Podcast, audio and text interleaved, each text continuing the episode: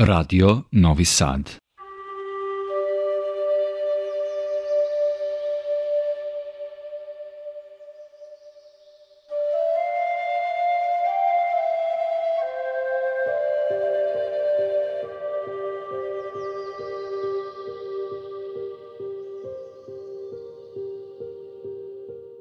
Dobro večer, poštovani slušalci. Vi pratite program Radio Novog Sada, još jedno izdanje emisije Vox Humana. Moje ime je Boško Buta. Kao što ste to navikli, a mi ostalili, našu emisiju pokušali smo da koncipiramo tako da stvari, ljude, fenomene i običaje sagledavamo iz onakle izmeštene vizure, ponekad iznutra, posežući neretko za dekonstrukcijom stereotipa, da tematiku o kojoj razgovaramo sagledamo malo bolje i bliže, da nam postane bliskije, lakše i pitke razumljiva. Sa neskrivenim zadovoljstvom ja vam najavljujem vašeg i mog večerašnjeg gosta, gospodina Željka Markovića, književnika, novinara, publicistu. Željko, dobroveče, dobrodošao u program Radi Novog Sada. Dobroveče i hvala vam što ste me pozvali. Elementarni red mi nalaže, ako uopšte ima ljudi koji za tebe nisu čuli, da kažem onako par nekih detalja, neću da kažem iz radne ili bilo kakve biografije, ali eto, ako kažem samo da tvoj dosadašnji opus, nakon više decenija bavljena žurnalistikom i to možda kao subspecijalnost, ono čime si se bavio jeste kraljica žurnalistike, a to je umetnička reportaža, pre svega u listovima Dnevnik, Glas omladine, Stav, različiti časopisi stare SFRJ, kruni i jedan impozantan opus od 23 knjige, čini mi se, tu je i 9 romana ili 8, 8 romana. 8 romana, da, gde ti na izvestan način, pokušavam da citiram referentnu kritiku, ljudi ističu da zapravo tu moćnu deskripciju kojom raspolažeš kombinuješ sa dokumentaristikom koja ti je u krvi, koja ti je bazična i kojom si se bavio i sa jako lepim proznim literarnim uzletom koji dobija potpuno nove obrise. Ono što te razdvaja od, neću da kažem kolega književnika, budući ti si član udruženja novinara Srbije i član udruženja književnika Vojvodine i tako dalje. Nije određeni stilski pravac u koji bi te mogli smestiti. Naime, niko nikad od stvaralaca ili ljudi koji se artikulišu izvesnim umetničkim stvaralačkim aporijama nije svoje delo pravio da bi bio svrstan u neko od fioka i podžanovskih odrednica, nego smo to mi radili kasnije da nam bude lakše. Ali ono što je za tebe interesantno, to je u punom i punokrvnom smislu jedna samosvojenost, idiomatičnost, rekao bih, na delu gde nema ni eklekticizma. Ja to više vidim kao jedan afirmativni eskapizam, jedan beg ne od odgovornosti, nego u jednu možda paralelnu realnost, realnost kao našu datu, fizičku i vremensku realnost u kojoj se događa svašta lepo da mi to nekad ne primetimo. Pre nego što kažem šta je u žiži tvojeg izbivanja, samo ćeš pomenuti da svi ovi romani, naravno da to tako ide, različite nagrade krase tvoje dosadašnje stvaralaštvo. Ja ću pomenuti samo neke od njih i izvinjavam se unapred ako hronološki promašujem. Uglavnom su to nagrade za reportažu, Laza Kostić nagrada za reportažu, Žika Jovanović za publicistiku, Stevan Sremac za novinsku priču. Ovo su najozbiljniji žanrovi žurnalistički, dakle nisu samo felton, esej, intervju i tako dalje, novinarski žanrovi. Zatim Jaša Tomić za reportažu, rekao sam da se član udruženja novinara Srbije, oni su se negde i kao izdavači pojavljivali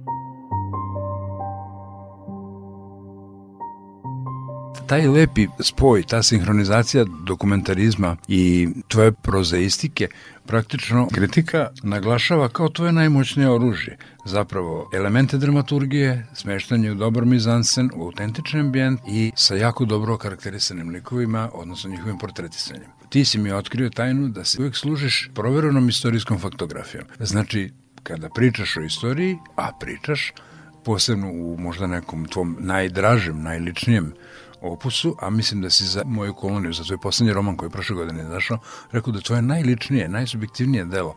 M si zavičajno vezan za taj kraj, tamo si rođen. M su to stvari o kojima se nažalost malo zna, to je istorija nekako nepravedno skrajnula na marginu, a morali bi da znamo da ako je područje tvog istraživanja i bavljenja, to je istraživački rad, to je naučno-metodološki rad. To tačno, je, tačno. Osim što je, naravno, literarni uzlet i umetnička artikulacija, to je taj deo Srema, neću da kažem Sremski srez, ali Fruška gora i jednog tonućeg vavilonskog sveta koji polako nestaje, koji se negde gubi u nekom nejasnom obzoru i izmaglici. Našom krivicom, a bio je zaista jedan od centara u najafirmativnijem smislu srednje Evrope, ne mislim pritom na geografske koordinate mitla Evrope, ove današnje geopolitičke. Reći ćemo i zašto je to tako. Nova kolonija jeste, tvoj posljednji roman, sad krećem na opačke, ali možda i to baš dobro. U kom zapravo, kako sam kažeš, subjektivno lično, iznosiš ipak, osim tih svojih sudova, jednu veliku povest, jednu epopeju evropskog čoveka, tog post čoveka, mislim da smo i transhumanizam prevozišli, to je neki post čovek koji je onako ogoljen od duhovnosti, rekao bih, a morao bi da sačuva makar sećanje zbog svojih korena.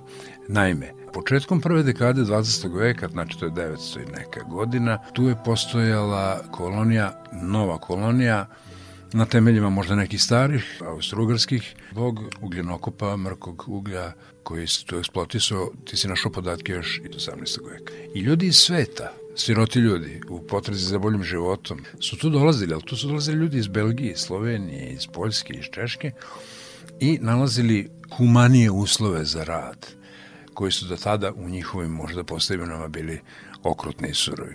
Tebe je to inspirisalo da promišljaš na temu upravo ambijenta u kom si ti odrastao? Ja ću zapravo početi odgovorom na tvoje razmišljanje o tome da ja spajam dokumentarno sa književnošću i da tu stvaram neke efekte koji su, ajde da kažemo, ne originalni, ali u svakom slučaju su definicija onoga što ja radim.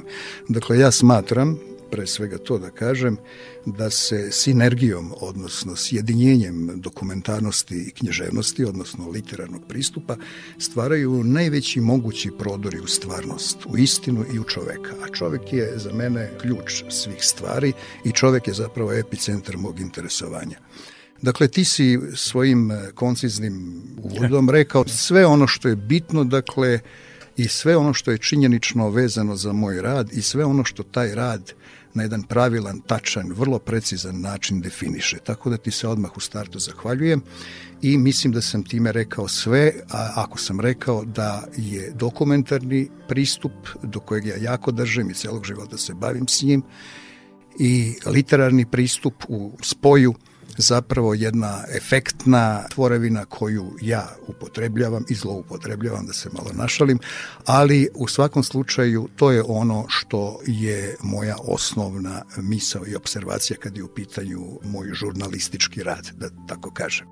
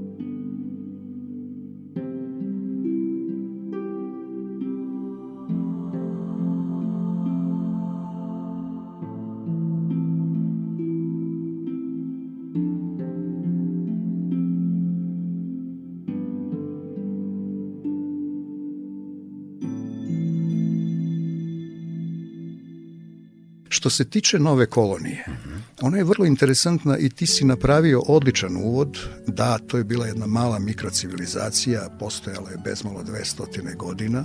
Ja sam je tako nazvao da. i to se dosta dobro primilo u javnosti. Upravo tako, jedna radnička, odnosno industrijska i građanska civilizacija koja je postojala na Fruškoj gori, kao jedno specifično multietničko, dakle sociološko i kako god hoćeš ostrvo, u svakom da. slučaju jedan fenomen, jedan pojam, jedan original koji nije vezan ni za jedno područje na teritoriji današnje Vojvodine. Da, Taj specifikum koji se zadržao tu bezmalo 200 godina nije dovoljno valorizovan kod nas i manje se zna o tome, a ja sam zapravo dobar deo svoje novinarske karijere i svog žurnalističkog, odnosno publicističkog rada posvetio upravo oživljavanju tog prostora sa željom da taj prostor ne nestane i Tako. dakle da se sačuva u Tako. svesti ljudi koji su sad već u jednoj fazi s obzirom na veliki procenat devastacije svega što je ostalo iz te civilizacije gotovo neobavešteni o činjenici da je tu, kažem, postojala 200 godina jedna toliko interesantna i zanimljiva multietnička civilizacija, jedna, kako bi novinari voleli u običaju ili da kažu mala Evropa. Jel? Da, da. Ja ne upotrebljavam taj termin, suviše mi se čini trivialnim za jednu zaista kompleksnu sredinu u kojoj sam i sam rođen. Moji su duboko vezani za tu sredinu, meni je i otac i deda i svi su bili rudari, vezani su za taj rudnik, dakle ja potičem iz te civilizacije, ona mi nije strana, rođen sam u njoj i ta nova kolonija živi u mojoj krvi kao činjenica koja je tačno opredelila moj rad i ovu knjigu zapravo vezala za nešto najintimnije što se tiče mene i ti si pravilno rekao, ja tu knjigu smatram svojom do sad najličnijom knjigom. Ona jeste pisana u nekoj formi autofikcije, rekli da, bismo. Da. Dakle, sa nekim elementima izmišljenih detalja, ali moram reći, dakle, svi oni koji se bave tom oblasti tim žanrom jako dobro znaju da nešto što je izmišljeno zna biti istinitije od stvarnosti. da. I da tu nema nikakvih granica. Dakle, ima malo toga izmišljenog, ali uglavnom je to istina, to su živi ljudi, bili živi svoje vremeno, to su inženjeri, zatim rudari, italijani, Rusi, Nemci, Poljaci, Česi, da, to su Slovenci, porodice, Mađari i da, tako da, dalje. Da, da. Dakle, čitave porodice i tako dalje koje su dolazile iz raznih krajeva Evrope. Vama će delovati možda malo sada i komično, ili je možda malo čak, ima čak i prizvuka ironije, ali to je sasvim tačna formulacija.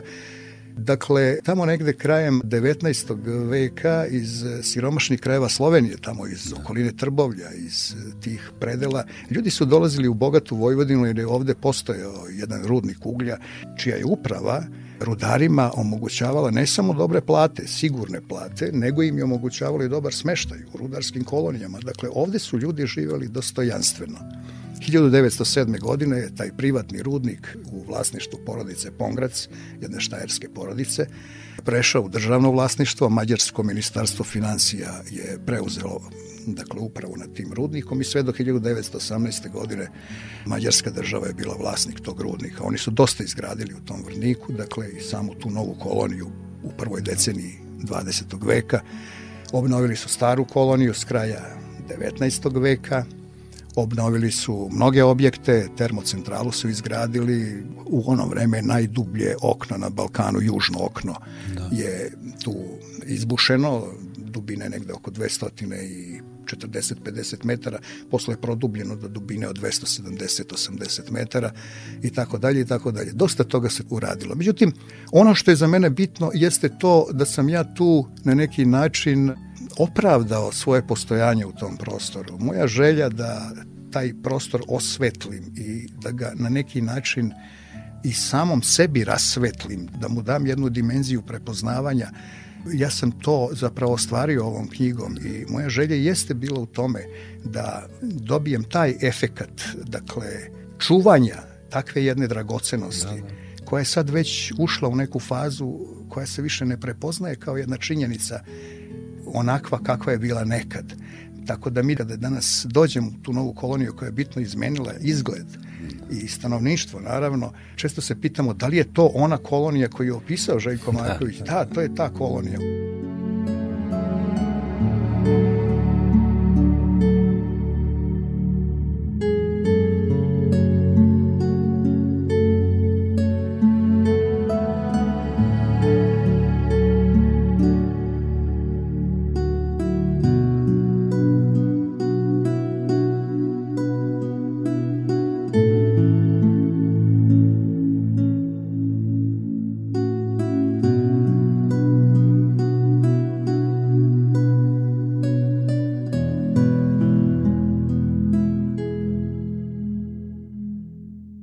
Vox Humana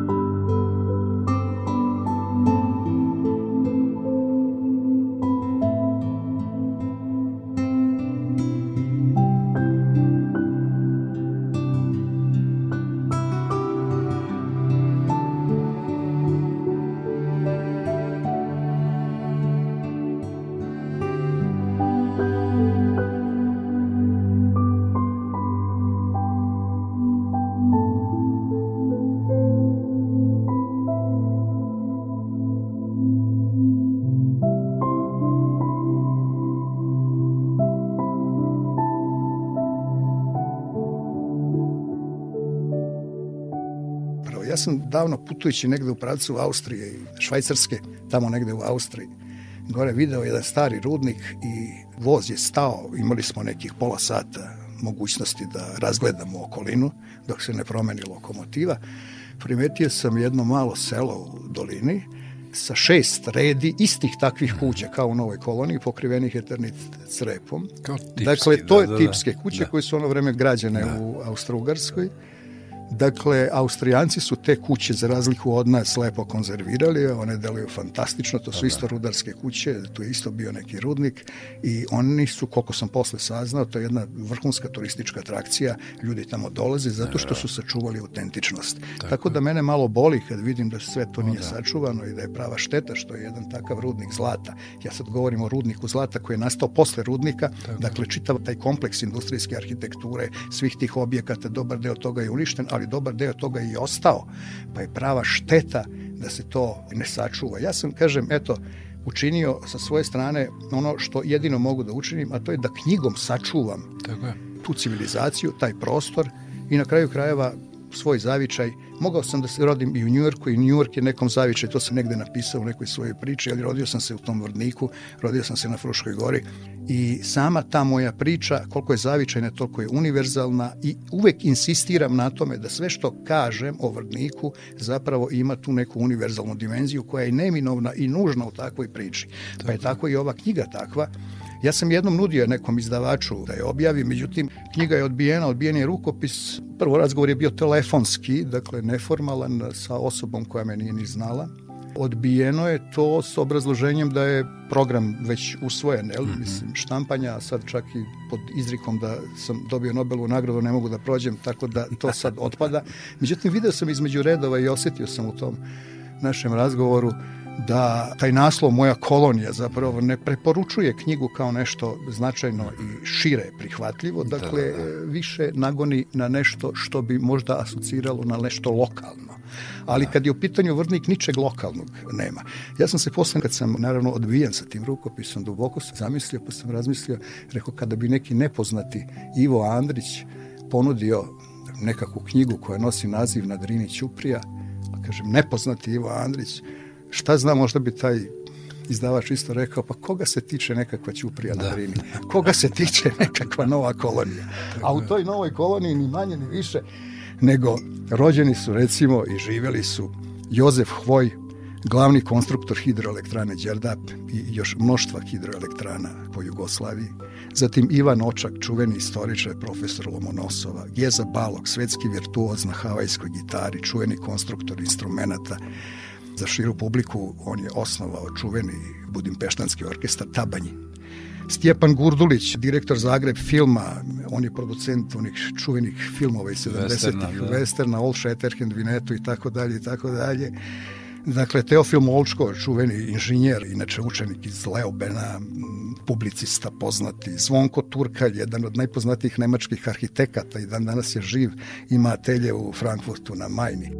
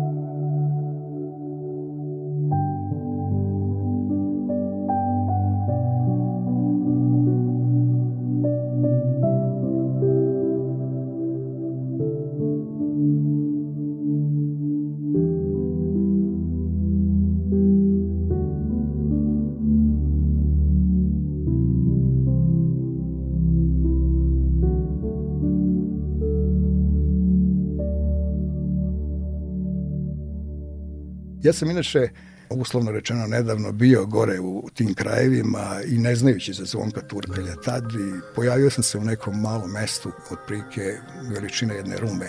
Mesto se zove Gutersloh. -hmm. Razgledao sam centar Gutersloha koji je fantastično rešen. Dakle, Nemci su to tako rešili da su srednjovekovne objekte inkorporirali u moderni da. dizajn i dobili su jedan strahovito dobar efekat koji ne vređa oko, nego naprotiv, da. tako fino leži u oku da je to kod mene izazvalo fascinaciju, jedno oduševljenje samim tim prizorom. Ja sam to islikao svojim fotoaparatom, vratio sam se nazad u Jugoslaviju iz tog mesta i posle jedno 6-7 meseci sam ukucao na nemačkom rođen u Vrniku, ne bili pronašao možda nekog da. vrničanija koji je u Nemačkoj i tako dalje i izašlo mi je ime Zvonko Turkalj, dakle. Da. I onda sam u njegove biografiji pronašao da se njegova telje Frankfurta na Majni, dakle, bavi rekonstrukcijom starih srednjovekovnih nemačkih gradova. Između ostalog, to im je specijalnost. Čovek je dobitnik da. više nemačkih nagrada, jedan je od najpoznatijih nemačkih arhitekata, a inače dobio je nagradu grada Gutersloha za rekonstrukciju tog grada. Eto, da, e, to je vrdak. Da. To je vrdak. Da, da. I to je priča, on se pominje, dakle, u mojoj knjizi Nova kolonija, Kao što se pominju mnogi drugi, pominje se i Schmidt, e, inače No, iz da. čuvene vrničke porodice, jedan od tih članova iz te porodice bio član Bečke filharmonije, bio je poznati violinista. Jovan Jovičić, naš poznati gitarista, on je bio učenik, neformalni učenik e, Schmidta u Vrniku, dakle i taj Schmidt mu je zapravo ulio tu ljubav prema muzici. To je dakle nova kolonija, to je priča o novoj koloniji i sve što se tiče knjiga o Vrdniku, poput knjige Vrdnički voz, Vrdnik međunarodna priča, Vrdnika Stelum Rednek ili već šta sam sve napisao i posebno knjige Pismo za koju sam dobio prestižnu nagradu Dejan Medaković. Dakle, sve što se Vrdnika tiče, tiče se zapravo jedne univerzalne sredine. U Vrdniku ništa nije lokalno, bar ne ono što Upravo se tako, tiče da. industrijske i građanske Da, kulture da. koja je, kažem, na tom prostoru postojala bezmalo 200 godina.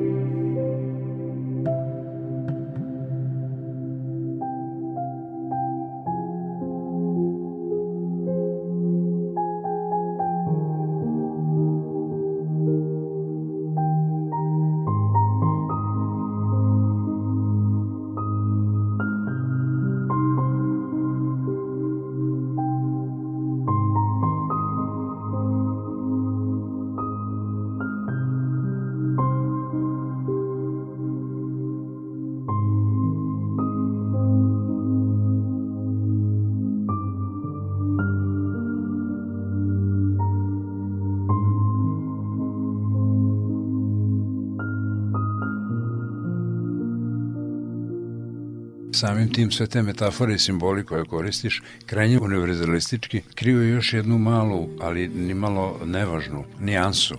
One našu baštinu dovode u ravnopravnu kohabitaciju sa sazvežđem literarnim regiona Evrope sveta. Znači, i tu smo. Jeste, hvala Bogu, upravo sam to i naglasio, ne namerno, dakle, ne Da. potencirano, nego jednostavno to preističe Da, iz da, takvog jasno, jednog jasno. ambijenta. Dakle, kad kaže sve što se u Vrniku napiše, ako je u pitanju građanska i ta industrijska kultura, sve je manje više univerzalno, Da. onda imam duboko pokriće u istoriji tog mesta i u ljudima koji su živeli u tom mestu. Tako. Dakle, ne može se poreći činjenica da su svi ti ljudi dolazili iz Slovenije, iz Nemačke, iz Poljske, iz Češke, dakle to su inženjeri poznati, to su, Da. dakle iz Rusije posle oktobarske revolucije O, da. O, postojala je jedna, jedna ruska pod navodnicima dijaspora ovde u Vrniku, recimo inženjer Tarasov i tako dalje. To su poznati. Oni su odmah ušli u upravu samog rudnika i doprineli su zaista da ta kompanija jako dobro posluje u to vreme, dakle između dva svetska rata. Dakle, to je vrdnička priča. Vrdnička priča u sebi sadrži tu univerzalnost koja meni dopušta taj luksuz da ne moram mnogo da putujem i da svoje romane prebacujem sa kontinenta na kontinent, iz države u državu, ne bi li stvorio utisak o tome da smo mi mala sredina, pa da nismo dovoljni sami sebi za opise, nego moramo ići negde vani. Dakle, kod mene to ne prolazi i nemam potrebu za takvom jednom ambicijom. Meni je dovoljno da pričam priču o vrdniku i da dobijem onaj efekat međunarodni, odnosno upravo to, upravo to. univerzalni efekat da. koji zapravo proističe iz same situacije u kojoj živim. A situacija je definitivno kriza identiteta, jedna epopeja autentičnog ambijenta koje smo svedoci. Mi smo svedoci, šta smo mi tek, možda druga generacija, treća. Upravo tako, upravo tako.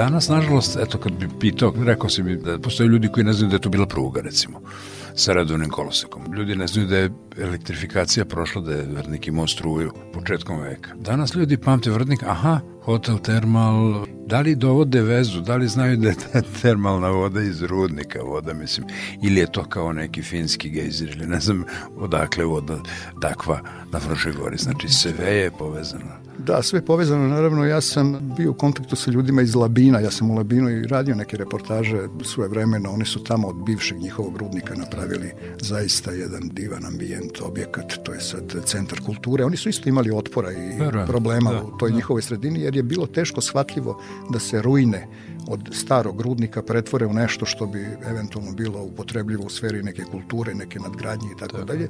Međutim, ipak su uspeli, bili su uporni i oni su napravili zaista jedan ambijent koji je sada fantastičan, deluje svetski, vrlo je koristan svima i služi na čast samom tom mestu u kojem sam, kažem, bio svoje vremena, oni su bili u Vrdniku, s obzirom da smo pokušali da to uradimo sa nekim našim da. pa i sa samim Vrdnikom, sa nekim našim bivšim napuštenim rudnicima i tako dalje. Nama to još uvijek nije uspelo i još nismo zainteresovali ljude za takvu jednu činjenicu, ali doće i za to vreme, dakle, da. doće vreme kada će neki ljudi konačno shvatiti, bar neki, da nije sve u toj termalnoj vodi, dakle da zapravo u toj vodi je jako malo toga i da pravi ljudi, dakle istinski turisti, prvo što pitaju, pitaju gde je bila termocentrala koja je bila da. toliko interesantna, to je objekat iz 1911. godine, inače je bila originalna, interesantna i upravo po tome što je napravljena za jedno mesto koje nije imalo vodu.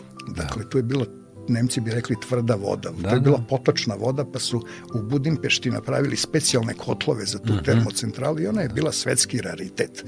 Dakle, porušena je neke 2000. godine pred očima lokalne zajednice da. na jedan krajnje brutalan način. Brutalan dakle, način, da, da. takav jedan objekat koji pripada dakle, jednom kontekstu svetske kulture.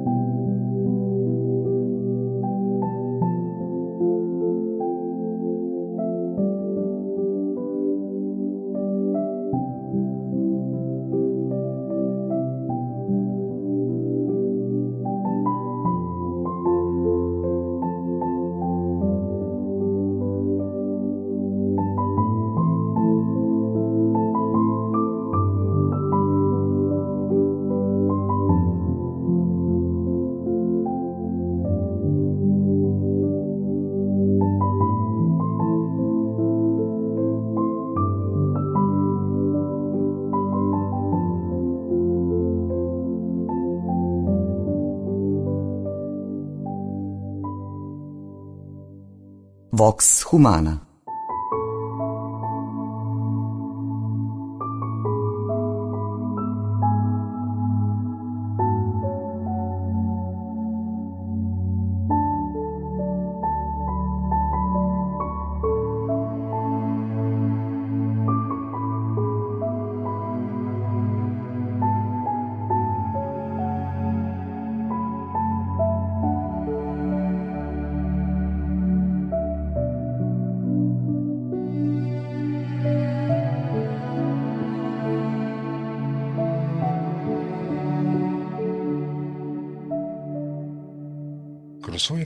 radni vek uvek si isticao to, volao si uvek da budeš više aktivni učesnik nego nemi posmatrač i recimo reinterpretator. U tome jeste tajna i lepota tvoje nadgrađene umetničke reportaže i novinske priče. Ne mislim samo na ove građevine, mislim na sve one koje nisu ugledale čak ni u novinama, možda svetlo znana, ali su kasnije ušle u knjige i verovatno ima nekih koje ni nisu. I tu mi je epicentar strašno zanimljiv. Postoji tvoja knjiga koja se zove Epicentru, koja jeste kompilacija tvojih putopisa, reportaža, priča, u kojima je uvek u središtu običan čovjek, normalan čovjek, bez obzira bio akademik, doktor ili seljak, ali čovjek sa svojim normalnim životnim malim sudbinama naše date realnosti, pa se između ostalog, to mi je onako bilo fascinantno, svoje vremeno u nekoj najdubljoj jami u Evropi na žabljaku spuštao se sa speleolozima u tu pećinu dole da ne bi bio samo čovjek koji je propratio događaj, nego da bi makar i simbolično učestvovao u celoj toj priči. Meni je to mnogo bliže i ja to mogu da razumem. Naravno, pohvaljivao si uvek i svoje kolege fotoreportere, bez njih verovatno to ni ne bi žanrovski zadovoljilo potrebe uredništva i menadžmenta novina, kojih god za koje si radio. Ali uvek te nekako vuko, jako mnogo si putovao i na različitim stranama bio, negde si rekao, od Sežane do Prokletija ili ne znam gde sve. Taj epicentar je posebno interesantan, on ima podnaslov. A podnaslov je doživlje jednog reportera sa putovanja po Balkanskom polostrovu u periodu od 82. do 91.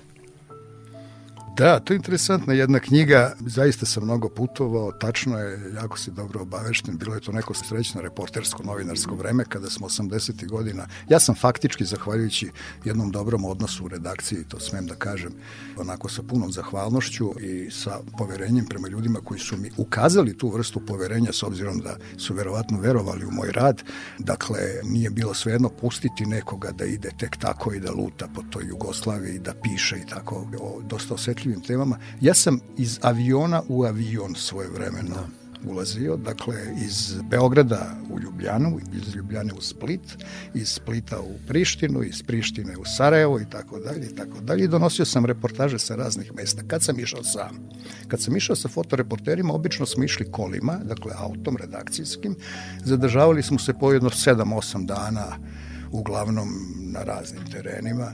Tu su bili recimo čuveni naš pokojni fotoreporter Jovan Vajdl. Da.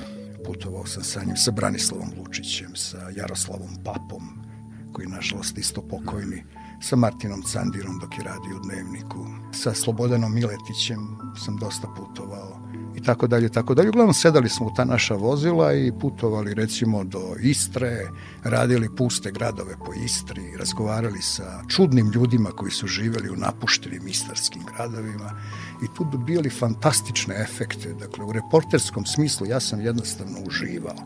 Ja sam uživao u svom poslu kao što i dan danas uživam i svaki tekst radim sa podjednakom strašću kao da je prvi, odnosno da. kao da sam ga radio pre 30 godina u ono vreme kad sam bio daleko energičniji i mlađi, pa i hrabriji naravno, ali i dan danas tako radim.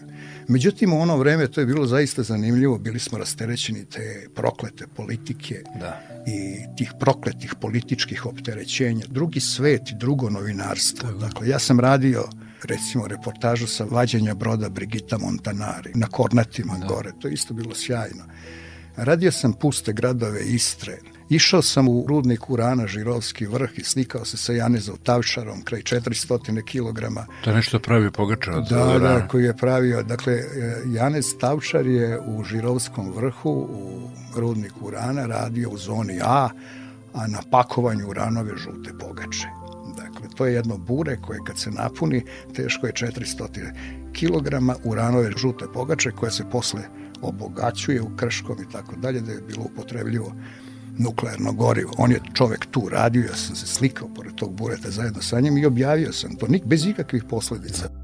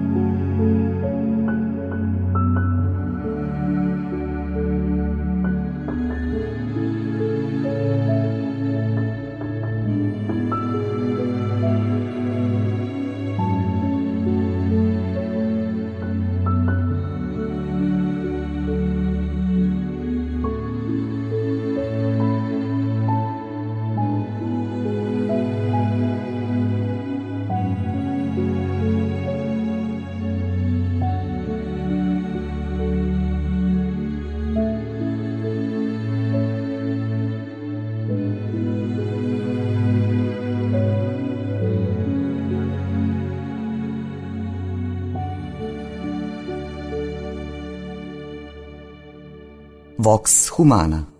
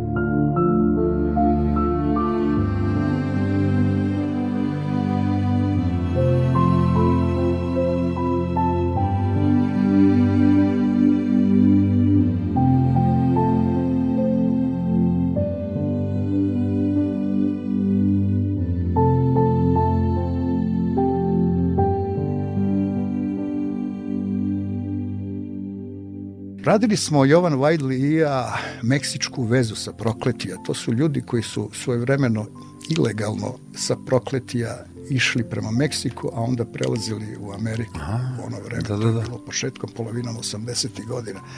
Ja sam to radio za dnevnik, međutim, pošto sam ono vreme sarađivao i sa nedeljnim vjesnikom zagrebačkim, uradio sam jednu veliku reportažu i o toj nuklearki, odnosno o rudniku urana Žirovski vrh i o toj vezi sa prokletije, radio sam i za nedeljni vjesnik. Nedeljni vjesnik je u ono vreme bio onako probitačniji kad su u pitanju prodori prema čitaocima, odlazio je dosta u inostranstvo i tako dalje, tako da posle recimo mojih tekstova o rudnik urana Žirovski vrh, digla se velika, velika frka tamo u Sloveniji, on je posle toga, posle nekoliko godina i zatvoren.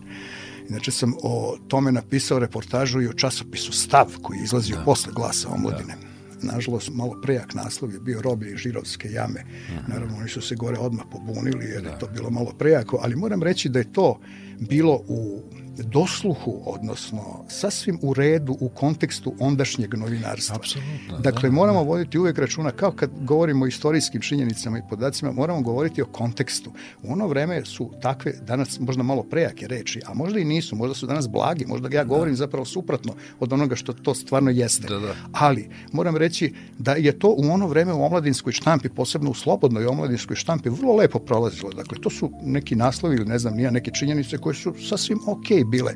One su čak imale jednu dozu, ajde da kažemo, preciznosti i tačnosti s obzirom na ono kako je tu bilo i šta je bilo. Međutim, danas svakako ne bih stavio taj naslov, bio bih odmereniji sa ovim iskustvom i ovom zrelošću. Siguran da. sam da bih radio možda i na drugčiji način i zauzeo drugčiji pristup, ali sam radio, kažem, dosta osetljive teme svoje vremeno, jer sam bio reporter za specijalne zadatke.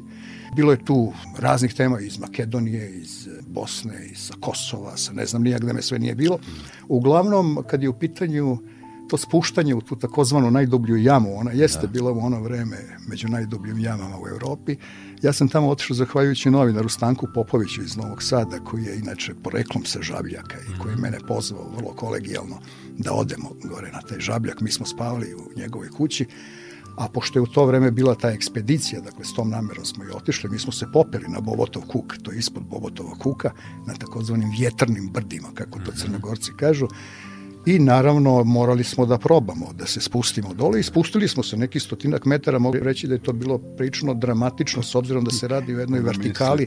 Jama je inače duboka, bezmalo, znači vertikalnog pada blizu hiljadu metara. Da, da. Oni su nastavili dole da i mi smo tu negde do, ajde da kažemo stotinak, 120 do 150 metara smo se spustili i to nije bilo svejedno, to je dosta velika dubina, s obzirom, kažem, na vertikalni pad, da. dakle nema kosina ispod se otvara jedan Jasno. ponor. Zjapi, Mi smo da. se tu malo slikali, kako to obično da. biva, čisto ovaj, reklamno, malo da podignemo cenu sebi i da ja podignem cenu toj reportaži. Naravno, ja sam u samoj reportaži to i naglasio, da ne bi ispalo da se pravimo heroji i da ne znam ni ja šta, da od svega toga ispadne nešto što ne bi želeo da ispadne, a to je neka pretencioznost, da. mislim daleko od toga. Tako da je ta tri nastavka, odnosno tri velike reportaže koje sam ja objavio, imaju jednu boju, jedan tonalitet duhovitosti, jedne male igre koju sam želeo da demistifikujem samom činjenicom da mi nismo pripadnici dakle te međunarodne ekipe, da smo samo posmatrači i učesnici koji su dobili eto jednu malu privilegiju da se spuste tih nekoliko desetina metara.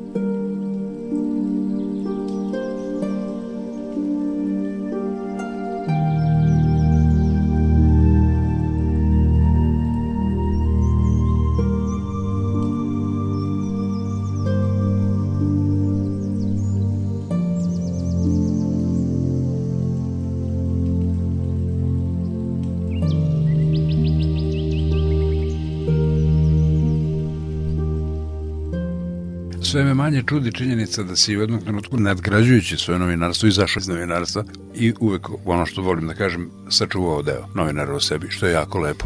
I to i čini tu neku idiomatičnost i samosvojnost koju ovi naši autoriteti, svedočeni Bardovi pominju, kaže kako dobru sintezu dokumentarizma i proze pravi. A interesantno je posebno, rekao si, obični ljudi u žiži, u fokusu interesovanja i tako. Na naslovnim strani jedne od tvojih knjiga, koja se zove Čekajući voz iz Vinkovaca, je fotografija jedne starice od preko 100 godina s kojom si razgovarao. Onda u konjicu si našao nekog čovjeka u zabiti nekim šumama koji kao svojevrsni podvižnik i sihasta se odlučio na tihovanje pa 30 godina nije to da priča.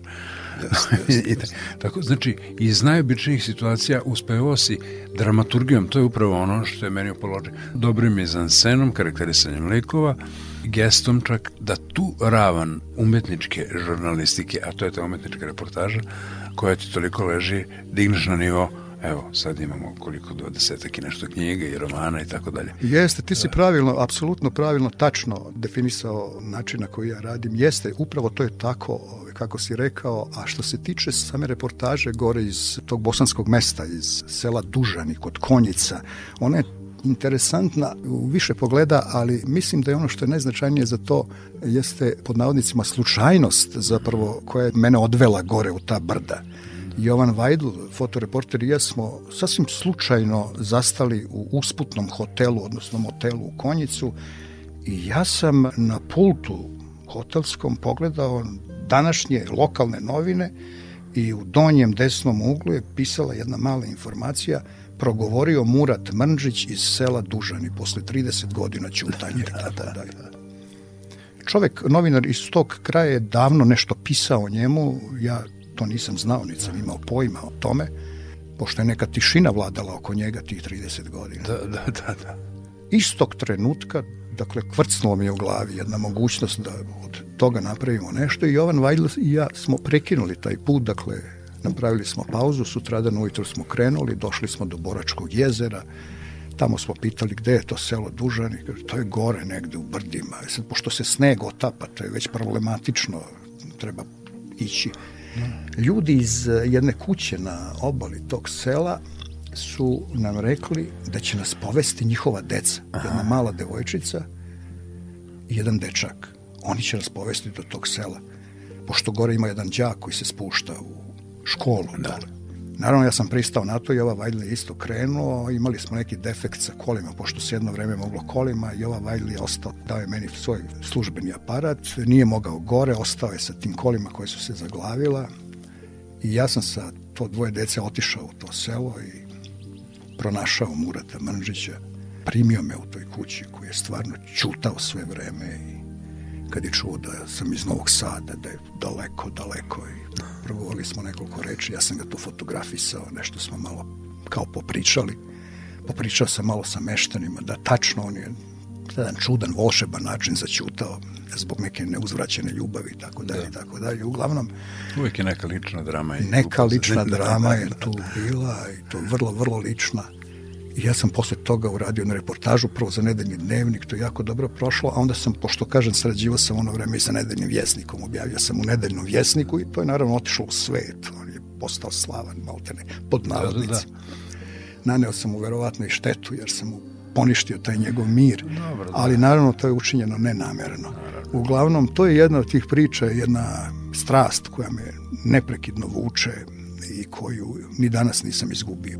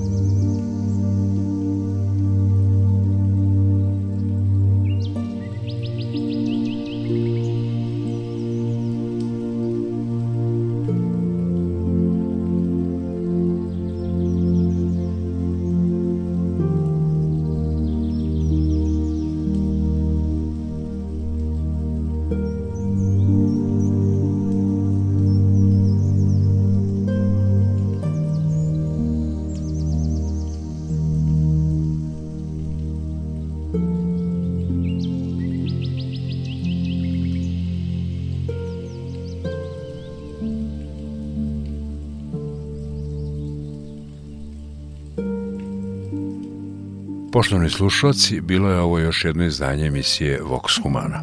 U proteklih sat vremena razgovarali smo sa novinarom, publicistom i književnikom Željkom Markovićem.